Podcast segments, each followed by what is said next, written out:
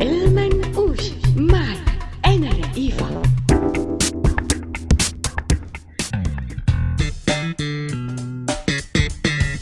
مرحبا. جايبت لكم اليوم مثل كتير معروف. منحكيه كتير ومنسمعه أكتر.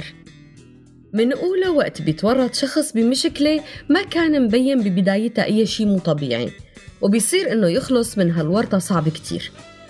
أكيد عرفتوا للمثل.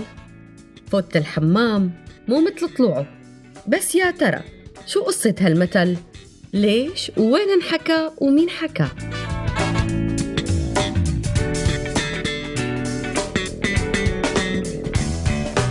هالمثل بيرجع للعصر العثماني بوقتها قرر شخص إنه يفتح حمام تركي جديد ومثل ما بتعرفوا حمام السوق بهداك الوقت كان له طقوس وعادات بتتمارس فيه وكل عرس بيمرق منه وكل طهور بيعدي فيه والأفراح والليالي الملاح. كلها كانت تمرق من حمام السوق. هذا طبعا غير وظيفته الأساسية واللي هي إنه الناس بتفوت بتتحمم فيه. المهم فتح الزلمة حمام تركي. كبير ونظيف وحلو ومرتب وعلق لافتة على الباب إنه فوتة الحمام ببلاش. فصارت العالم تيجي بأعداد كبيرة لحتى تفوت على الحمام وتجربه وتتحمم. وكانوا مثل العادة يفوتوا يغيروا تيابهم ويلبسوا المناشف والبرانس ليفوتوا فيها عجوان يتحمموا.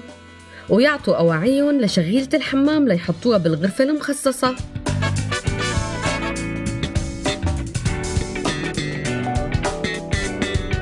بس اللي صار إنه الناس وقت كانوا يطلعوا من الجواني بعد ما يخلصوا حمام يكتشفوا إنه لازم يدفعوا أجرة الحمام والأجرة كانت كتير غالية.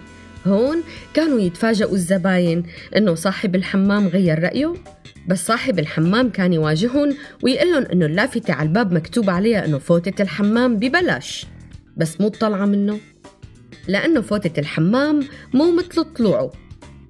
وهيك مشيت جملة صاحب هالحمام مثل على لسان الناس.